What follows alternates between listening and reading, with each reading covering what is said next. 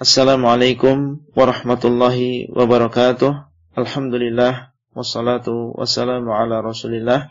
Halaqah yang ke-41 dari silsilah beriman kepada hari akhir adalah tentang memperbanyak al-hasanah atau kebaikan dan menghilangkan as-sayyi'ah atau dosa bagian yang pertama. Seorang yang beriman kepada hari akhir dan beriman bahwasanya kelak akan dihisap, maka hendaklah dia memohon rahmat dari Allah SWT, kemudian mengambil sebab supaya memiliki al-hasanah sebanyak mungkin dan menghilangkan dosa sebisa mungkin. Di antara caranya, yang pertama adalah menjaga tauhid yang merupakan hasanah atau kebaikan yang paling besar dan merupakan pondasi bagi hasanah yang lain dan merupakan sebab diampuninya dosa seseorang. Yang kedua, mencari amalan yang paling afdal, yang apabila dilakukan maka dia akan mendapatkan hasanah yang banyak. Yang demikian karena kita sangat butuh dengan hasanah yang banyak sementara waktu untuk mendapatkannya adalah sangat terbatas. Amalan yang paling afdal setelah rukun Islam dan kewajiban-kewajiban agama yang lain ada tiga amalan menuntut ilmu agama, jihad fi sabilillah dan zikrullah yang dilakukan dengan khusyuk di sebagian besar waktunya. Amalan yang wajib lebih afdal dan lebih besar pahalanya daripada amalan yang sunnah. Amalan yang wajib ain yaitu yang wajib atas semuanya lebih afdal daripada amalan yang wajib kifayah yang apabila dilakukan oleh sebagian maka gugur atas yang lain. Kewajiban yang berkaitan dengan hak Allah lebih afdal daripada kewajiban yang berkaitan dengan hak makhluk. Amalan yang lebih afdal adalah amalan yang dilakukan dengan lebih ikhlas dan lebih mengikuti sunnah Rasulullah SAW. Amalan sedikit yang mudah dikerjakan tanpa memberatkan diri dan dilakukan secara terus-menerus lebih afdal daripada amalan yang banyak tapi terputus. Rasulullah SAW bersabda yang artinya amalan yang paling dicintai oleh Allah SWT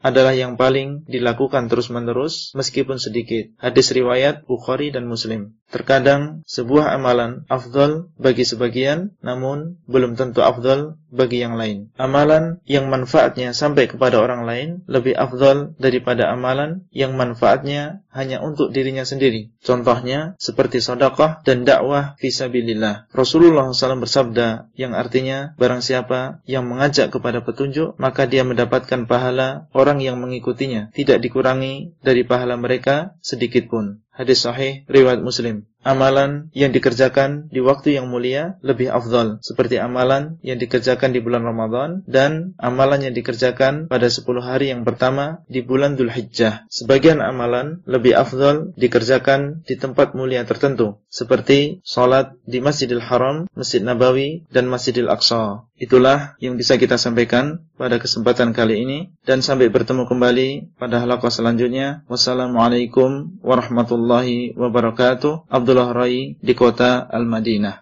Materi audio ini disampaikan di dalam grup WA Halaqah Silsilah Ilmiah HSI Abdullah Rai.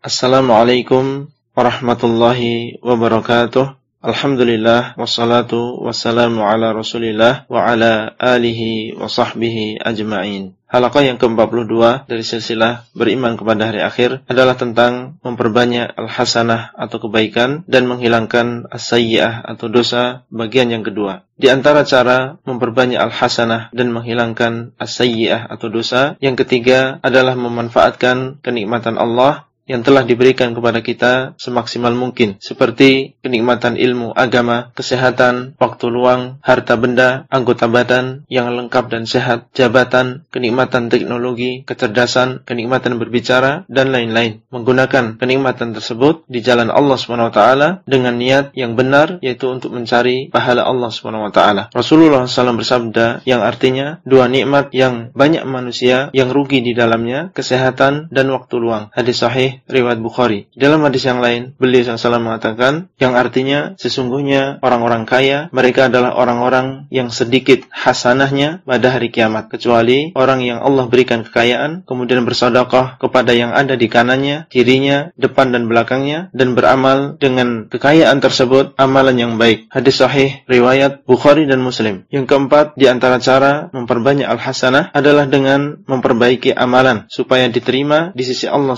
taala taala. Karena amalan bisa menjadi hasanah bagi seseorang bila diterima di sisi Allah dan syarat diterimanya amalan ada dua yaitu ikhlas dan sesuai dengan sunnah Rasulullah sallallahu alaihi wasallam. Yang kelima adalah bertaubat dari dosa yang diiringi dengan iman dan amal soleh. Karena barang siapa yang melakukan yang demikian itu, maka dosanya akan diganti dengan hasanah. Allah Subhanahu wa taala menyebutkan bahwasanya orang yang menyekutukan Allah Subhanahu wa taala membunuh jiwa tanpa hak berzina, maka mereka akan mendapatkan adab yang pedih di hari kiamat. Kecuali apabila dia bertobat, beriman, dan mengerjakan amal soleh. Maka Allah SWT akan mengganti dosa-dosa mereka menjadi sebuah kebaikan. Al-Furqan 68 sampai 70. Yang keenam, memperbanyak istighfar. Setiap melakukan dosa atau kurang bersyukur atas nikmat atau kurang dalam melakukan kewajiban atau lalai dari mengingat Allah SWT. Rasulullah SAW bersabda, Tuba liman wajada fi sahifatihi istighfaran kathira. Tuba bagi orang yang menemukan di dalam kitabnya istighfar yang banyak. Hadis sahih riwayat Ibnu Majah. Tuba ada yang mengatakan maknanya adalah surga dan ada yang mengatakan maknanya adalah nama pohon di surga. Yang ketujuh, tidak melakukan amalan yang mengurangi pahalanya. Rasulullah SAW bersabda yang artinya aku mengetahui ada sebagian umatku yang akan datang pada hari kiamat dengan membawa hasanah sebesar gunung-gunung Tihamah. Maka Allah SWT menjadikan hasanah tersebut seperti debu yang berterbangan. Maka salah seorang sahabat bertanya kepada Rasulullah SAW tentang sifat mereka. Maka Rasulullah SAW mengabarkan bahwasanya mereka adalah saudara-saudara kita. Salat malam sebagaimana kita salat malam, akan tapi mereka apabila dalam keadaan sendiri dengan sesuatu yang diharamkan, mereka pun melanggarnya. Hadis sahih riwayat Ibnu Majah. Itulah yang bisa kita sampaikan pada kesempatan kali ini. Wassalamualaikum warahmatullahi wabarakatuh. Abdullah Rai di kota Al-Madinah. Materi audio ini disampaikan di dalam grup WA Halakoh Silsilah Ilmiah HSI Abdullah Rai. Assalamualaikum warahmatullahi wabarakatuh. Alhamdulillah wassalatu wassalamu ala Rasulillah wa ala alihi wa sahbihi ajma'in. Halakah yang ke-43 dari silsilah beriman kepada hari akhir adalah tentang memperbanyak al-hasanah atau kebaikan dan menghilangkan as-sayyi'ah atau dosa bagian yang ketiga. Di antara cara untuk memperbanyak al-hasanah dan mengurangi as-sayyi'ah yang kedelapan adalah bersabar atas musibah dan ujian. Rasulullah SAW bersabda, "Ma yazalul bala'u bil mu'mini wal mu'minati fi nafsihi wa waladihi wa malihi hatta yalqallaha wa ma'alihi khati'ah." Senantiasa ujian menimpa seorang mukmin dan mukminah di dalam dirinya, anaknya dan juga hartanya sampai dia bertemu Allah Subhanahu wa taala dan dia tidak memiliki dosa. Hadis sahih riwayat Tirmizi. Di dalam hadis yang lain, beliau SAW mengatakan yang artinya ketika orang-orang yang terkena musibah di dunia mendapatkan pahala pada hari kiamat, maka ahlul afiyah yaitu orang-orang yang tidak banyak terkena musibah akan berkeinginan seandainya kulit-kulit mereka digunting di dunia. Hadis Hasan riwayat Tirmidzi. Yang demikian karena mereka melihat besarnya pahala orang-orang yang bersabar. Sebagaimana firman Allah Subhanahu wa taala, "Innama yuwaffas sabiruna ajrahum bighairi hisab." Sesungguhnya akan disempurnakan pahala orang-orang yang bersabar tanpa batas. Az-Zumar ayat 10.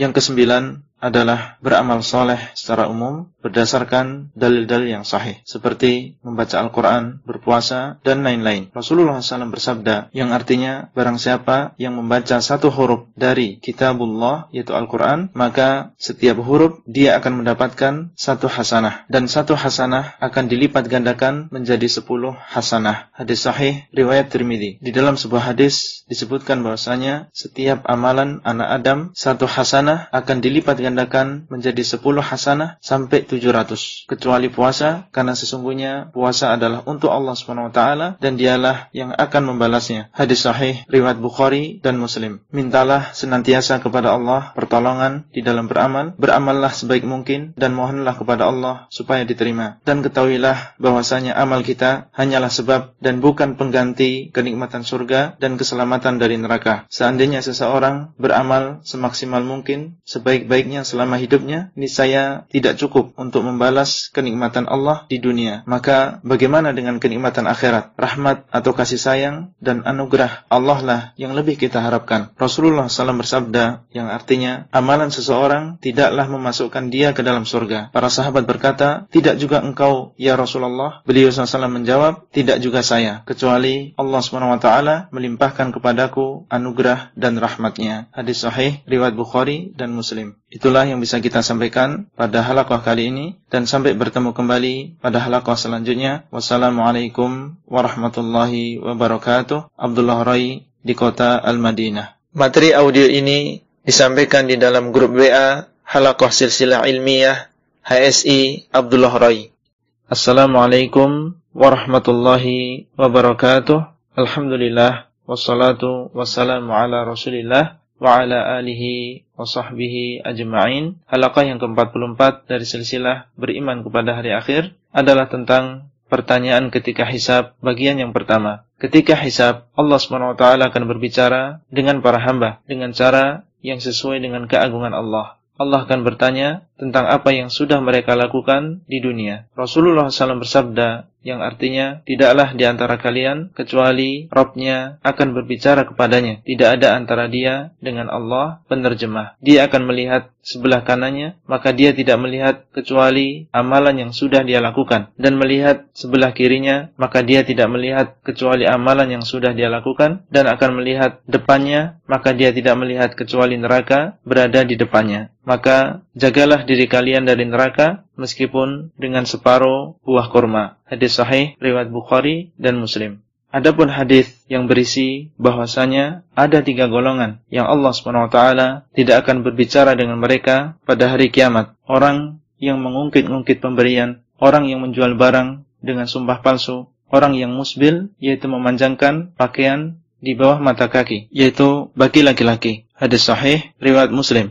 Maka yang dimaksud dengan hadis ini, seperti yang dikatakan oleh sebagian ulama, bahwasanya Allah Swt tidak akan berbicara dengan mereka dalam keadaan ridha, tapi Allah Swt akan berbicara kepada mereka dalam keadaan marah. Di antara hal yang ditanyakan di hari kiamat, yang pertama adalah tentang tauhid kita kepada Allah Swt. Allah Swt wa taala berfirman, "Fala nas'alannal ladzina ursila ilaihim wa la nas'alannal mursalin." Maka sungguh kami akan tanya umat yang telah diutus kepada mereka para rasul dan sungguh kami akan tanya para rasul. Al-A'raf ayat yang ke-6. Kita akan ditanya bagaimana kita menjawab ajakan rasul dan ajakan rasul yang paling besar adalah tauhid. Di antara hal yang akan ditanyakan pada hari kiamat adalah kenikmatan yang Allah berikan kepada kita di dunia. Allah SWT berfirman, "Tsumma la yauma idzin 'anin na'im." Kemudian sungguh-sungguh kalian akan ditanya pada hari itu tentang kenikmatan. At-Takatsur ayat yang ke-8. Di antara kenikmatan tersebut adalah kenikmatan makanan dan minuman bagaimanapun sederhananya di pandangan manusia.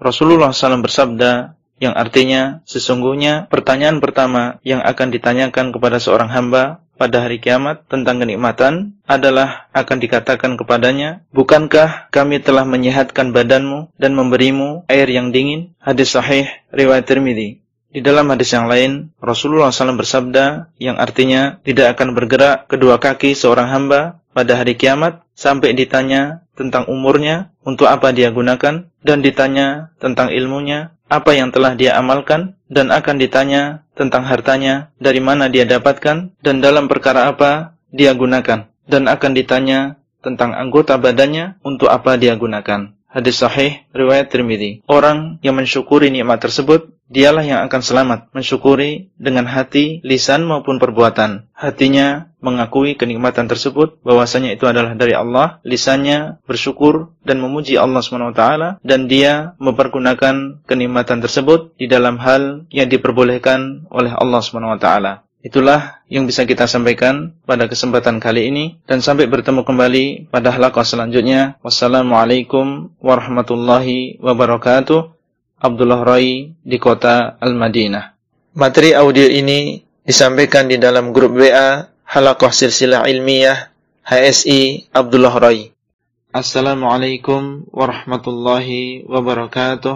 Alhamdulillah wassalatu wassalamu ala Rasulillah wa ala alihi wa sahbihi ajma'in. Halaqah yang ke-45 dari silsilah beriman kepada hari akhir adalah tentang pertanyaan ketika hisab bagian yang kedua. Di antara hal yang akan ditanyakan oleh Allah SWT ketika hisab adalah pendengaran, penglihatan, dan hati kita. Allah SWT berfirman, "Wala taqfu ma laysa laka bihi ilm, innas sam'a wal basara wal fuada kullu ulaika kana anhu mas'ula." Janganlah kamu mengikuti apa yang kamu tidak punya ilmunya. Sesungguhnya setiap manusia kelak akan ditanya tentang pendengaran, penglihatan dan hatinya. Al-Isra 36. Dengan demikian, hendaklah seorang muslim menjaga pendengaran, penglihatan, dan hatinya dari apa yang Allah haramkan. Di antara yang akan ditanyakan adalah perjanjian. Allah SWT berfirman, "Wa aufu bil ahdi innal ahda kana mas'ula." Dan sempurnakanlah perjanjian karena sesungguhnya perjanjian akan ditanyakan. Al-Isra 34. Dan perjanjian di sini mencakup perjanjian seorang hamba kepada Allah maupun kepada makhluk. Seorang muslim dituntut untuk menyempurnakan janjinya. Di antara hal yang akan ditanyakan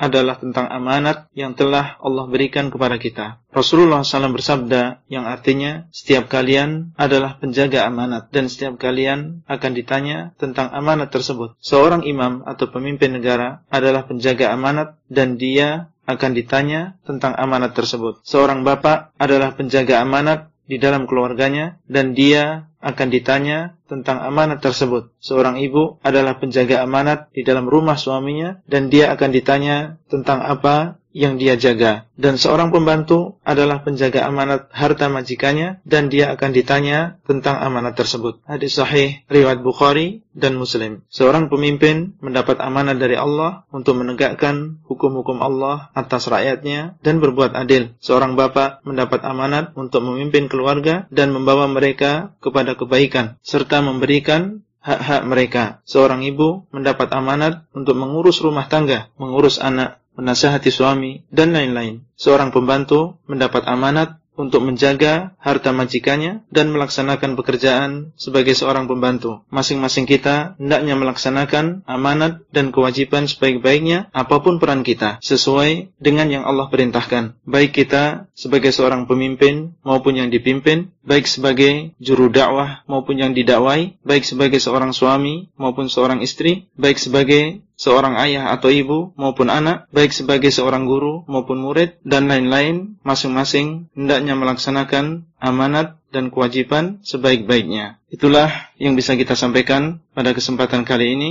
dan sampai bertemu kembali pada halaqah selanjutnya. Wassalamualaikum warahmatullahi wabarakatuh. Abdullah Rai di kota Al-Madinah. Materi audio ini disampaikan di dalam grup WA Halaqah Silsilah Ilmiah HSI Abdullah Rai